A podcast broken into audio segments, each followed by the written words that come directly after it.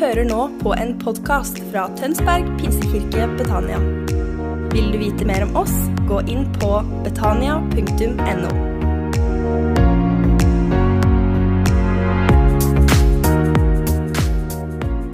Wow.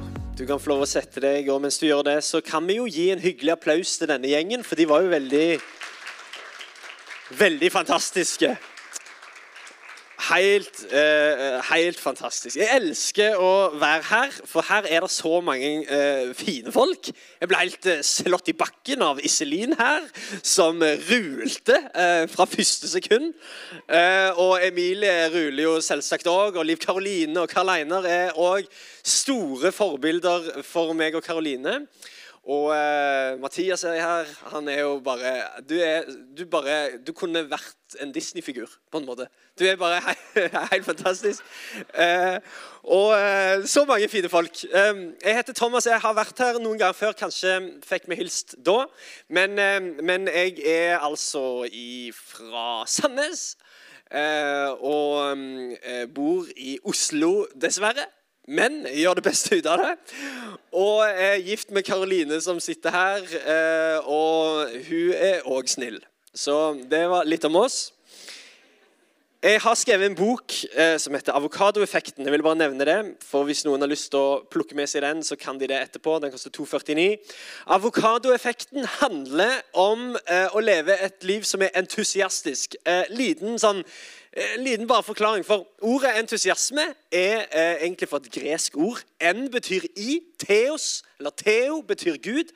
Å være entusiastisk betyr egentlig sånn originalt sett, hvis du følger etymologien eller følger opprinnelsen til ordet, så er det å være entusiastisk handler bare om å være i Gud eller å ha Gud i seg. Egentlig er det bare et ord for å beskrive en åndsfylt person. Du vet, Det er mange misforståelser rundt det å være entusiastisk. At da må du elske mandager og uh, hete Stian Blipp eller noe sånt. Uh, men du trenger ikke det. Det mye, går mye dypere enn det. Og det har mye mye mer med karakteren din å gjøre enn personligheten din. For vi er forskjellige. Det er ikke alle som liker å holde en mikrofon, og takk Gud for det. Det er det ikke alle som skal gjøre. Men vi kan alle sammen være entusiastiske. Vi kan alle sammen leve et åndsfullt liv der det som, det som skjer her inne, har påvirka hvordan livene våre ser ut. Det er det den boken handler om. Så hvis du eh, ble interessert, så eh, kan du kjøpe den. Det var et bra innsalg, det. Bra. Fikk du lyst til å sykle fortere? Ja, veldig, veldig bra. Knallbra. Du, jeg har, jeg har egentlig et eh, et ganske sånn eh, enkelt eh, budskap eh, som på en måte er litt sånn personlig for meg òg. Det har vært en slags eh, reise eh, i forhold til de tingene som, eh, som, jeg skal snakke om her. Men jeg, jeg, har lyst til å åpne med et vers, og det kommer òg på skjermen. Og så skal vi lage noen sykt gode poenger her. og så skal vi be, og så ble dette en super søndag. Så vi leser. og dette er altså skrevet i et brev i Det nye testamentet, hebreerne. Og der står det på denne måten La oss holde urokkelig fast ved bekjennelsen av håpet. Og bare, bare, en liten notis. Det står ikke bare 'hold fast på håpet'. For det er en sånn ren intellektuell greie du kan holde på med. sant? Jeg nå liksom, Å holde fast ved håpet det blir veldig abstrakt. Hva betyr det? Men bekjennelsen av håpet Hold fast på bekjennelsen av håpet. Det er noe helt annet. Fordi at du kan, Inni deg så kan du si ja, jeg tror på håpet eller jeg tror på Jesus. Men det er ikke det Paulus, eh, eller forfatteren her prøver å si oss. Han sier hold fast på bekjennelsen av håpet. Altså faktisk den fysiske bekjennelsen. Faktisk at, at, det som du tenker, kommer ut av munnen din. At faktisk det du, det du, tror på, eh, liksom vises igjen i kroppen din. Du vet at Når du står og løfter hendene dine i lovsangen, for eksempel, Nå kan man tenke at noen er helt liksom, psykopater som holder på med sånt. Men når du løfter hendene, det som skjer da, det er at da, da begynner kroppen din å minne deg på hvem du tilhører. Plutselig så finner du sjøl hva jeg holder på med. Og så er du nødt til å eh, bli konfrontert av din egen kropp, som sier du tilber akkurat nå. Du er faktisk i Guds hus akkurat nå. Det er egentlig det som forfatteren her prøver å si. Hold fast på bekjennelsen. Ikke bare på håpet liksom her inne, men sørg for at det er noe konkret, noe fysisk, noe som kommer ut av livet ditt, ut av kroppen. Og Hvis du liksom ikke gjør det for, for, for, for tilbedelsens skyld, så gjør det for kolesterolet, har jeg lært. Du kan, løfte, du, du kan løfte eh, hendene. Faktisk er det bevist at de som eh, løfter hendene mer enn to minutter hver dag, de kan eh, få opptil ti år eh, lengre levetid. Eh, eh, nå er ikke jeg noen sånn, liksom, ekspert eller noe, så dobbeltsjekk det. Men, men jeg tror det. Eh, Fordi at det har noe med kolesterol at blodet renner ned og hjertet må pumpe raskere. og sånn. Så om ikke for Herren, gjør det for kolesterolet. Ok. Hva er det jeg snakker om? Jo, hold fast på bekjennelsen av håpet. For han som ga løftet, er trofast. La oss ha omtanke for hverandre, så vi oppgløder hverandre til kjærlighet og gode gjerninger. Og la oss ikke holde oss borte når menigheten vår samles prikk, prikk, prikk, prikk, prikk. Som noen har for vane. Det er litt sånn passivt-aggressivt. Merker dere? Ja, Noen har det som vane, men la oss ikke gjøre det. La oss heller oppmuntre hverandre, og det er så mye mer som dere ser at dagen nærmer seg. Nei, La oss ikke holde oss vekke når menigheten samles, men la oss heller oppmuntre hverandre. Og spesielt nå, nå når vi ser at dagen, dagen med stor del liksom nærmer seg. Og, og, og det kan jo føles ut som hver, hver dag føles ett hakk nærmere dagen. Og det stemmer jo òg. Og så blir vi litt lurt av sosiale medier og nyhetsbilder. og sånn, og Vi tenker nå går det unna. Og det har vi liksom tenkt i, i, i 2000 år. Eh, og Timen og dagen den er det ingen som kjenner, men, men la oss hele veien sørge for at vi oppmuntrer hverandre, oppgløder hverandre til gode gjerninger, til kjærlighet og til gode gjerninger. Jeg har et enkelt budskap som handler om kirka denne søndagen. her. Og bare som en innledning, Nå har jeg lest litt, men, men eh, jeg personlig er veldig glad for at eh, covid-pandemien er over. Eh, eller i hvert fall til en viss grad over. Og det henger sammen med at eh, jeg er en millennial. Eh, det betyr at jeg har hatt det for bra i min oppvekst. Jeg har ingen historier å fortelle til mine fremtidige barn. Det har på en måte gått greit. Men nå har jeg covid, heldigvis. Jeg kan fortelle om til fremtidige generasjoner. For det var ikke lett under covid. Det var harde tider, skal jeg si da. sant? Når mine barn for eksempel, klager over at det tar 20 minutter å fly til New York, eller et eller annet sånt, i, i veldig lang framtid, så kan jeg si sånn Ja, men hør, når jeg var ung, så var det en livsfarlig pest som liksom tok hele jordkloden. Det var ville tilstander! Ingen kunne gå på jobb! Ingen hadde dopapir! Så det var helt vilt! Så Jeg er bare mest takknemlig for det at jeg har noe å fortelle. Det, på en måte så var det en, eh, liksom Toppen av kransekaka for meg det var en gang jeg skulle ut og fly eh, midt under pandemien, og, og, og da måtte du ha munnbind og sånn. Så, og så hadde jeg glemt munnbind, og så, og så ville ikke jeg sant? Jeg kunne kjøpe på Point-kiosken eh, for liksom 481 for et halvt munnbind, eh, liksom. Eh, men eh, så kom jeg på, der jeg, eh, der jeg satt i bilen med min kompis og kjørte meg til flyplassen, for han hadde noen ekstra der i bilen, så, så sa jeg sånn, og dette er helt seriøst, dette var det jeg sa til han. Jeg sa sånn Du, kan jeg bomme et bind? Og jeg angra jo umiddelbart eh, etter jeg spurte. Eh, Så apropos dagen nærmer seg. altså Det må jo være et endetidstegn tenker jeg, når menn bommer bind av hverandre. sant? Da er man helt ute å sykle. Så det var på en måte, jeg er veldig glad det er over. det er det Jeg prøver å si. Jeg er veldig glad at vi på en måte har beveget oss, oss videre. Men det, grunnen til at jeg forteller det er at denne, denne pandemien og denne krisen og, og det som vi var oppi, det, det på en måte speiker noen nye tanker for meg. Ikke bare noen nye tanker, eh, men, men noen, noen prosesser som har vært viktige for meg. For selv om Den norske eh, kirke kunne melde om 2500% vekst i pandemien fordi at de begynte å gjøre eh, liksom, eh, online gudstjenester og tusenvis av profilbilder som kom på gudstjeneste for første gang. Eh, og, og masse mennesker liksom, som begynte å følge med på online gudstjenester. og Kanskje gjorde dere noe lignende her.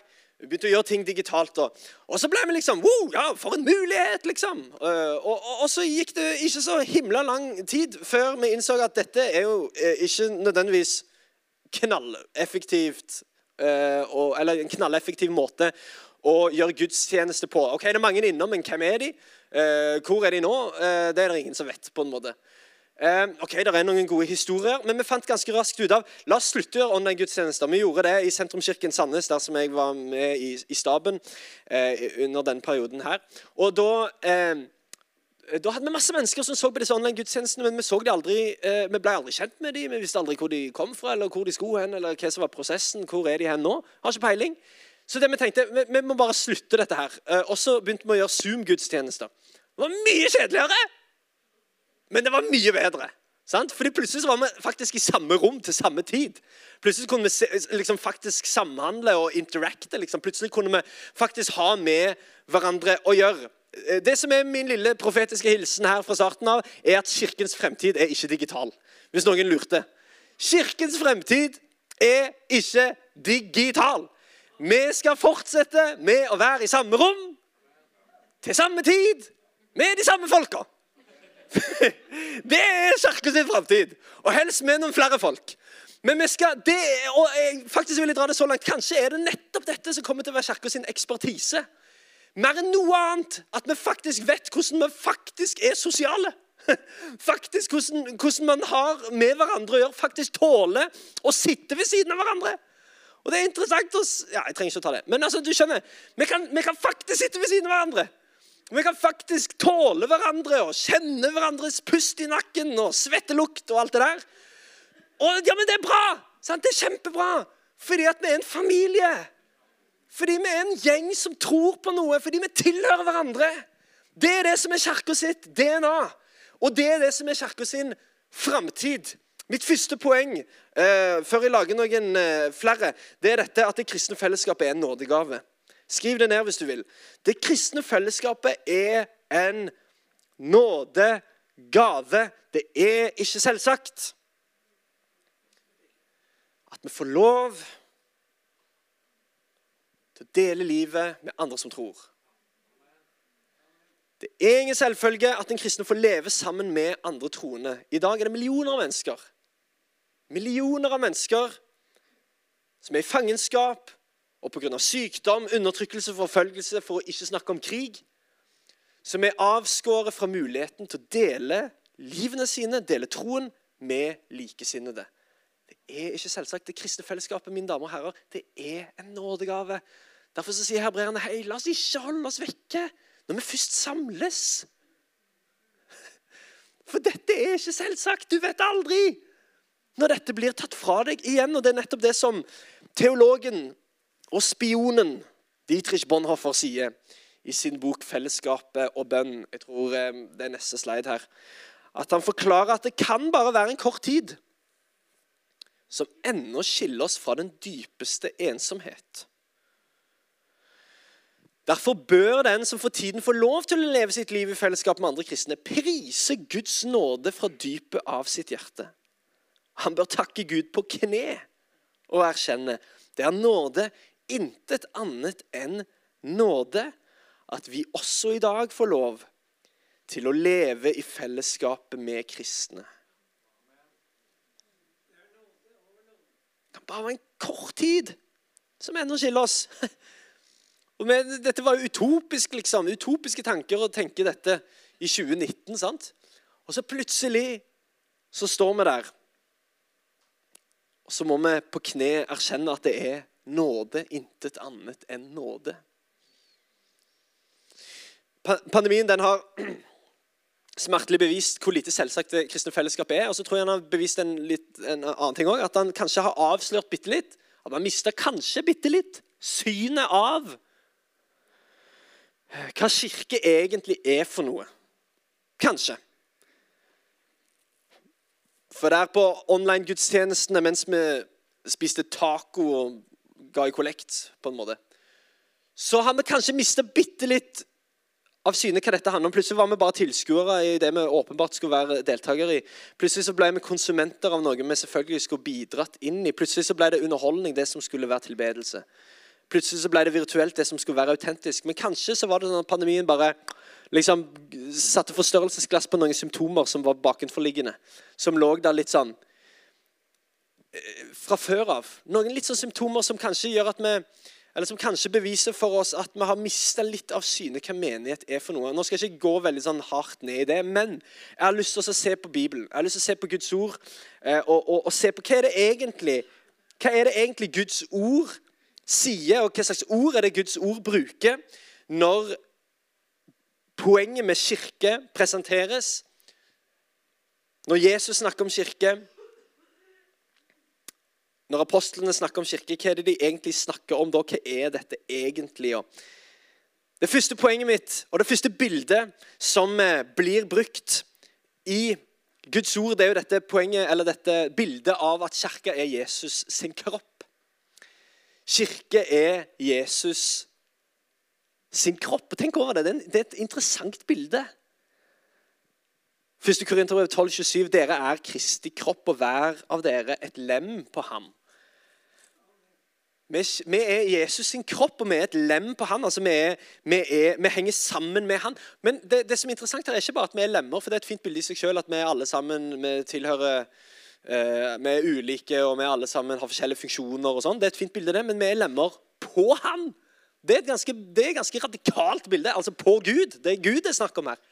Vi lemmer på han som er uten begrensninger. sant? Vi lemmer på han som er, som, som er, helt full av nåde, som er helt full av sannhet. Vi er lemmer på han. Hver av dere er et lem på han. Det sier noe, tror jeg, om hvilken enhet Bibelen tenker at Kirken Som faktisk skal definere Kirken. Hvilken enhet som faktisk skal definere Guds menighet, nettopp fordi vi er lemmer på Han. Vi tilhører alle hverandre. Hvorfor det? Fordi vi tilhører Han. Vi tilhører alle hverandre fordi vi alle sammen tilhører Jesus Kristus. Enhet, mine damer og herrer, er ikke valgfritt. Enhet er vårt DNA. Kirke er det du er, og det du blir i etterfølgelsen av Jesus. Vi, går ikke rundt og velger om, eh, om, det passer inn at han eller hun er en del av denne menigheten. Nei, det er, det, det er ikke valgfritt, faktisk. Det er en del av pakken her. En del av vårt DNA. Det, og, og, og, Bibelen bruker samme liksom, bilde her. Foten kan ikke si til armen, og øynene kan ikke si til ørene, og tærne kan ikke si til fingrene 'Jeg trenger deg ikke'. Nei, vi tilhører hverandre fordi vi tilhører Han. Vi er Jesus sin kropp. Og vi er lemmer på Han. Det er det som gjør at vi tilhører hverandre. Vi, er, vi henger sammen med Jesus sin kropp. Det er han som er hodet, men vi er kroppen. Lemmer på Han. Det andre bildet som jeg hadde lyst til å vise deg, det er at kirka er Guds tempel. Ok, Vi er Jesus sin kropp, men et annet bilde som, som blir brukt igjen og igjen, det er at vi er Guds sitt tempel. Tempelet som altså huser Guds kraft i Gamle Testamentet. Dersom, når, når, Gud, som ikke kan plasseres i en boks, velger likevel å, å, å, ta bolig blant sitt folk, så er det nettopp i et tempel. Det er et hellig tempel. Hvem som helst kan ikke gå inn der. Hva som helst kan ikke skje der.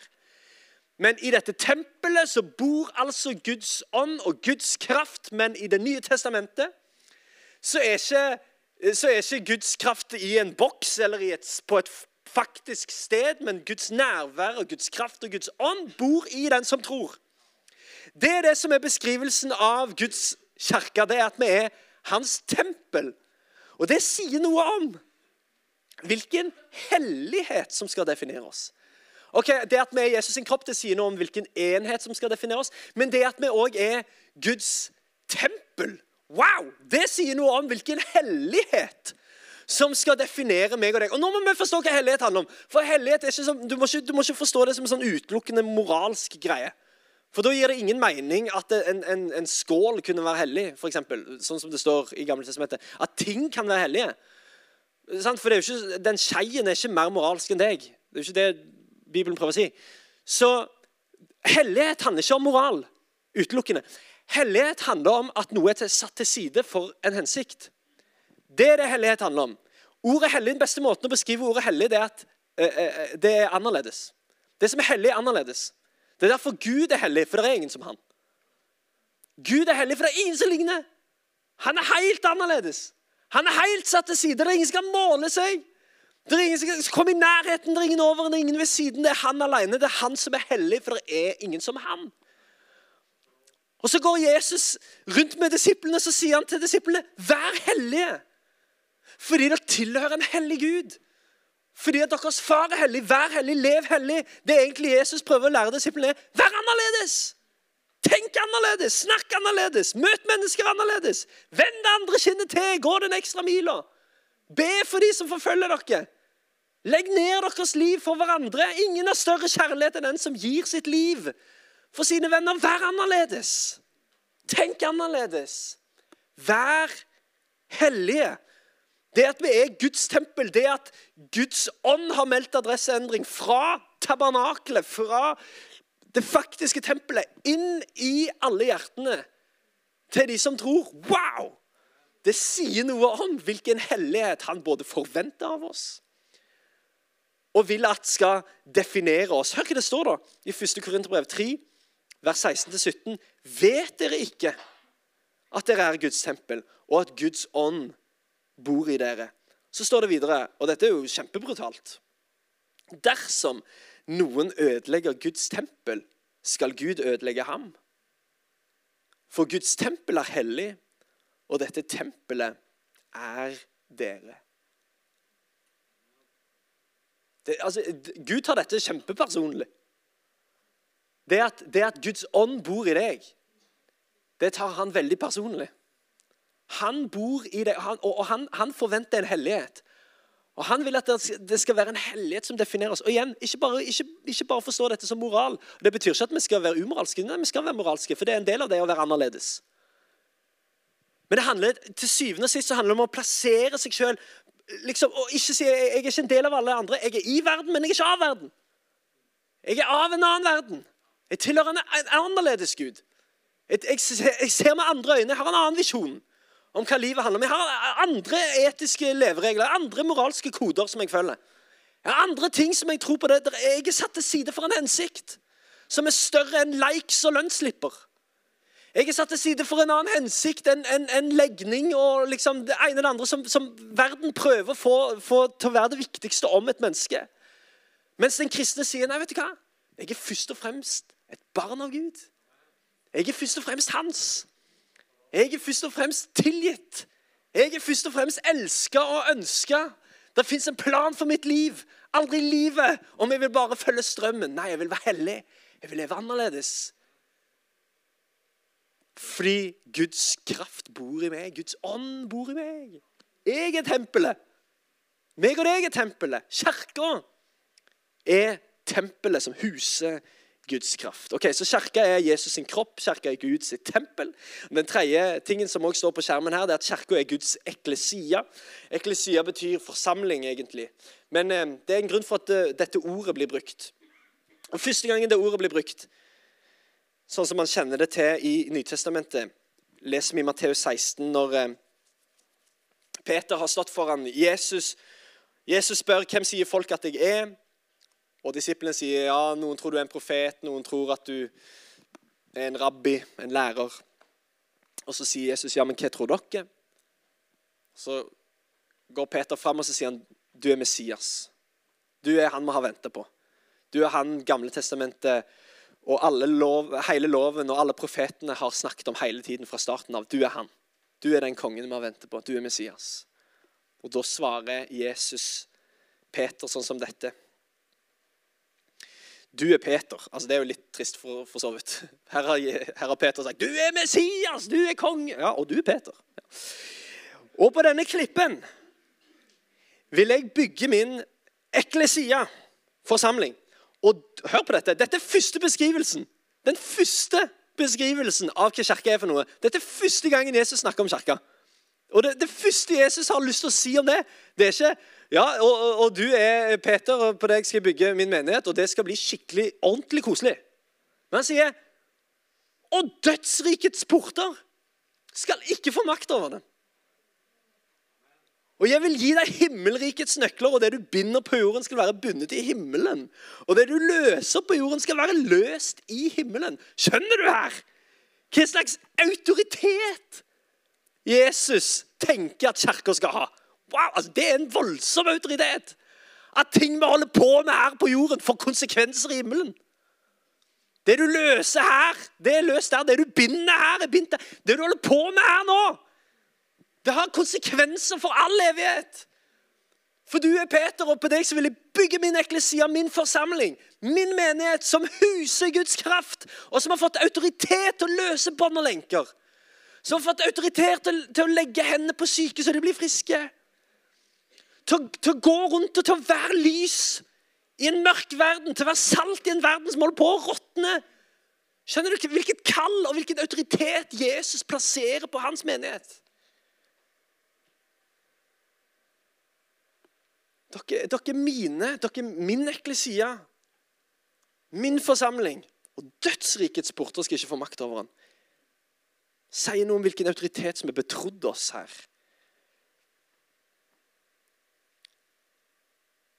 Til å helbrede, til å sette undertrykte fri, til å samarbeide med Gud om å skape en verden som reflekterer himmelen. Poenget her som vi prøver å få fram, det er at kirke er jo ikke noen aktivitet. sant? Vi, vi, vi liksom, og det er, det er, kanskje dette som pandemien på en måte, Det var denne prosessen Gud begynte i meg. Det er jo ikke, noe, det er ikke en hobby du holder på med, Thomas. Det her greiene her. Gud, Jesus gikk ikke gjennom en smertefull død og oppstandelse for å gi oss et kulturtilbud i helgene. Han så noe mer enn det. Han så noe større enn det. Det var noe mer som lå på andre siden der. Det var noe han visjonerte der når han hang på korset. Det står faktisk òg at, at, at eh, han, henger, han utholdte korset. Hvorfor det? Jo, fordi han så noe.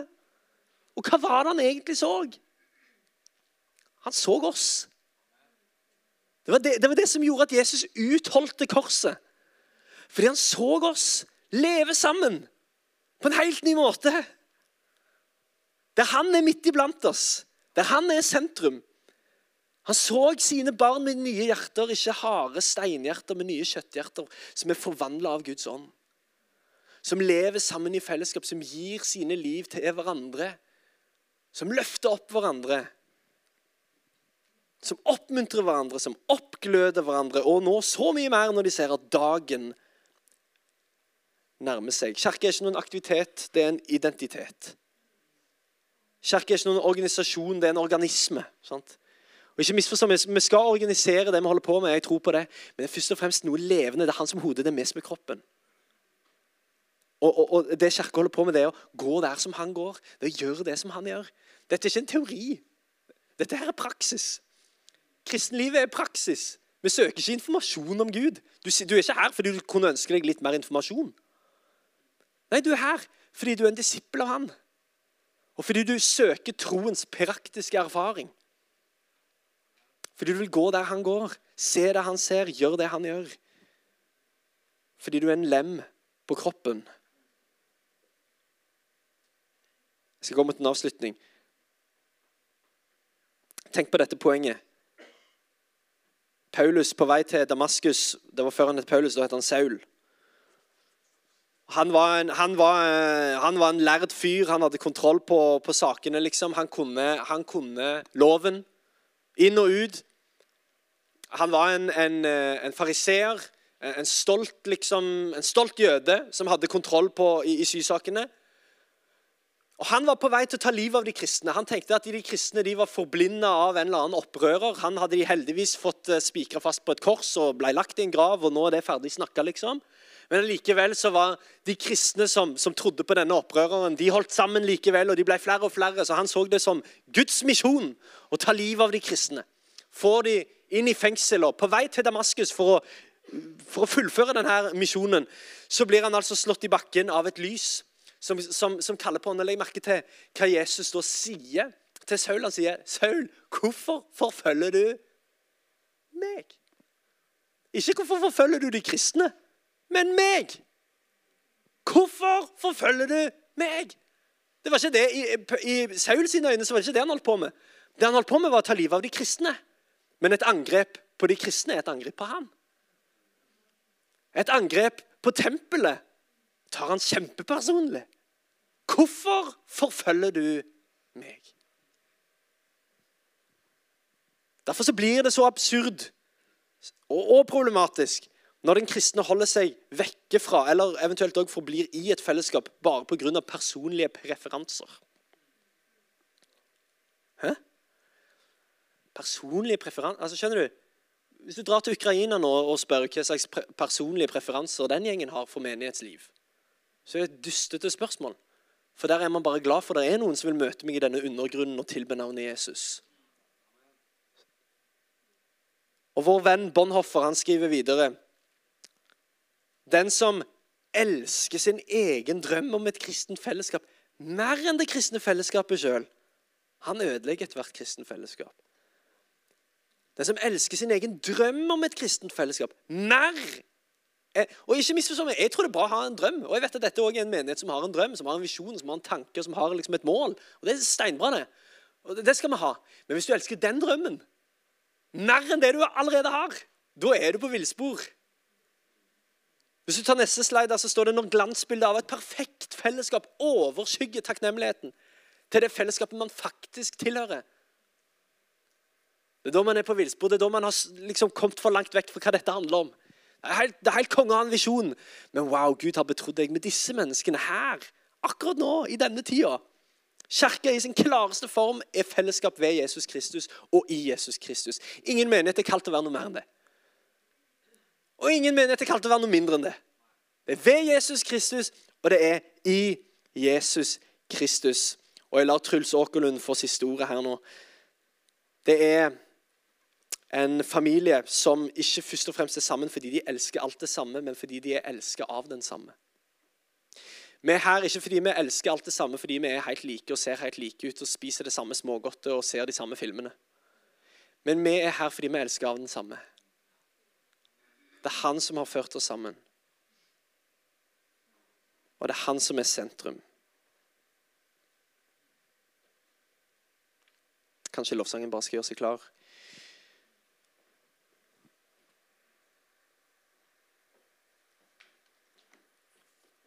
Når jeg var 13 år, så hadde jeg et møte med Gud som forandret meg.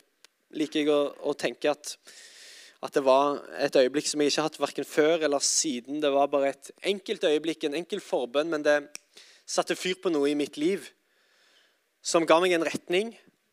Det var noen visjoner der, det var noen drømmer der som plutselig bare sank ned i hjertet mitt. Det var noen ting Gud konfronterte og bekrefta på samme tid.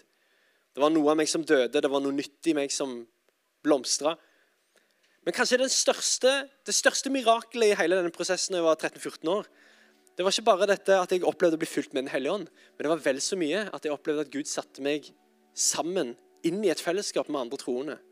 Det var vel så mye det. At jeg plutselig fant meg sjøl i et fellesskap med andre. Som, som, så noe i meg som jeg ikke så i meg sjøl, som ga meg ansvar jeg aldri skulle hatt. Som trodde på meg lenge før det var noe å tro på men som så et eller annet, og som gikk den reisen sammen med meg. Og som ga meg nye ting hele veien, og som, som, som oppmuntra meg, og som så noe i meg, og som fikk det ut av meg. og som... Kanskje er det vel så mye det største miraklet. Det er ingenting.